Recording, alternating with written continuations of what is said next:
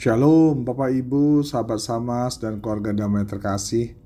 Kiranya Bapak Ibu dan saudara-saudaraku semua hari ini dalam keadaan baik, dalam keadaan sehat dan dipenuhi sukacita.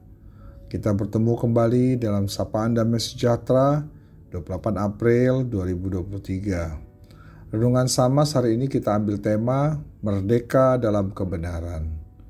Mari kita berdoa sebelum kita bersama merenungkan firman Tuhan. Bapa Surgawi, kami bersyukur untuk kebaikan Tuhan dan penyertaan-Mu Bapa sampai hari ini. Engkau memberikan kami kesehatan dan Engkau memberikan kesempatan bagi kami untuk mendengar dan merenungkan sapaan firman-Mu. Urapi hati dan pikiran kami dalam kami memahami kebenaran akan firman Tuhan. Amin. Bapak Ibu, keluarga damai yang terkasih, sahabat Samas, bacaan Samas kita hari ini diambil dari 1 Petrus 2 ayat 13 sampai 17. Demikian firman Tuhan. Tunduklah karena Allah kepada semua lembaga manusia, baik kepada raja sebagai pemegang kekuasaan yang tertinggi, maupun kepada wali-wali yang diutusnya untuk menghukum orang-orang yang berbuat jahat dan menghormati orang-orang yang berbuat baik. Sebab inilah kehendak Allah, yaitu supaya dengan berbuat baik, kamu membungkamkan kepicikan orang-orang yang bodoh.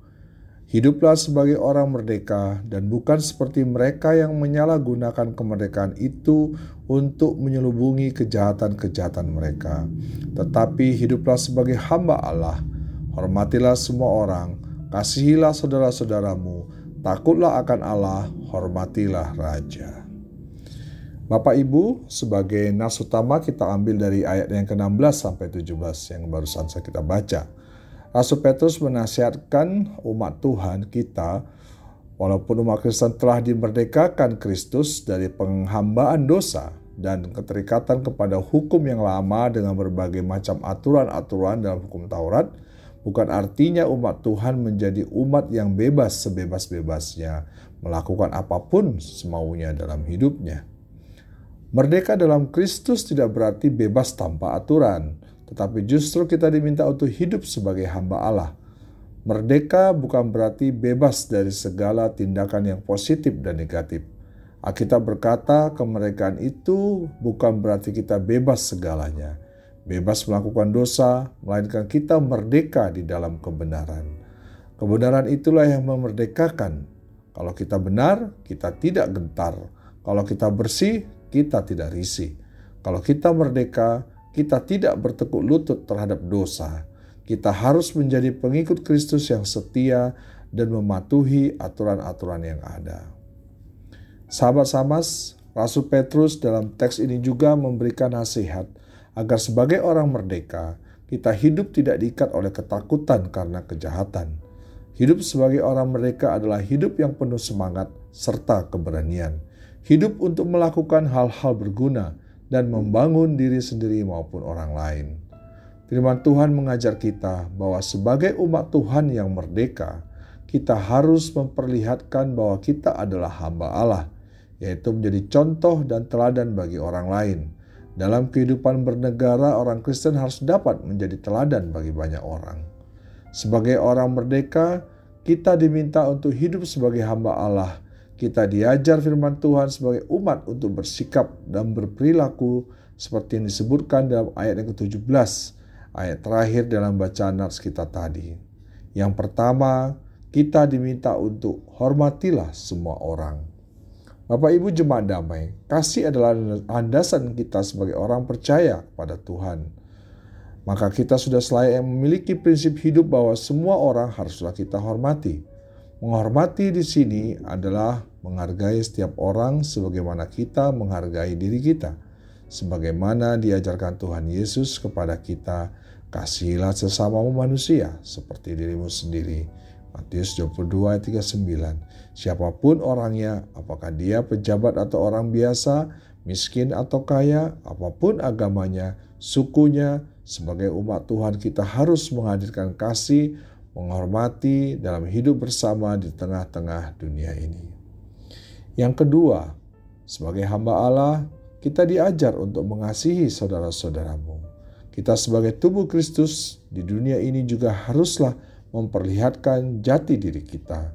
Sebagai umat Tuhan, selain menghormati semua orang, kita juga diminta menggunakan kasih sebagai dasar hidup dalam kehidupan bermasyarakat. Umat Kristen haruslah memperlihatkan tali persaudaraan yang kuat. Gereja bukanlah pemicu terjadinya permusuhan dan kekacauan, tetapi menjadi pemersatu bangsa. Gereja menjadi contoh dan keteladanan tentang kesatuan dan persaudaraan. Lalu yang ketiga Bapak Ibu, takutlah akan Allah. Takut akan Allah bukanlah supaya kita bebas dari hukuman. Tetapi bagi kita orang beriman, takut akan Tuhan Allah adalah untuk memuliakan nama Tuhan di dunia ini, di tengah-tengah kehidupan bermasyarakat. Takut akan Tuhan artinya kita tidak merusak hubungan dengan Tuhan atau tidak menolak rahmat Tuhan. Dengan takut akan Allah, kita membangun relasi dengan Tuhan melalui doa dan melakukan hal-hal yang berkenan kepada Tuhan. Takut dalam hal ini bukan berarti ngeri atau seram, karena Allah itu kejam. Takut akan Tuhan berarti menunjukkan sikap hormat, menjunjung tinggi, menundukkan diri kepada kemahakuasaan Allah, dan mentaati perintah-perintahnya. Tuhan adalah sumber hikmat tertinggi. Karena itu, setiap orang yang perlu datang kepada sumber hikmat supaya menjadi orang yang berhikmat, hidup bijaksana, bermoral tinggi, dan selaras dengan kehendak Tuhan. Bapak Ibu, yang keempat, sebagai hamba Allah kita diminta untuk hormatilah raja. Hormatilah raja dalam arti sikap kepatuhan kepada pemerintah. Dalam kitab Roma 13 ayat 1-2, firman Tuhan mengatakan demikian. Tiap-tiap orang harus takluk kepada pemerintah, yang di atasnya, sebab tidak ada pemerintah yang tidak berasal dari Allah, dan pemerintah-pemerintah yang ada ditetapkan oleh Allah. Sebab itu, barang siapa melawan pemerintah, ia melawan ketetapan Allah, dan siapa yang melakukannya akan mendatangkan hukuman atas dirinya.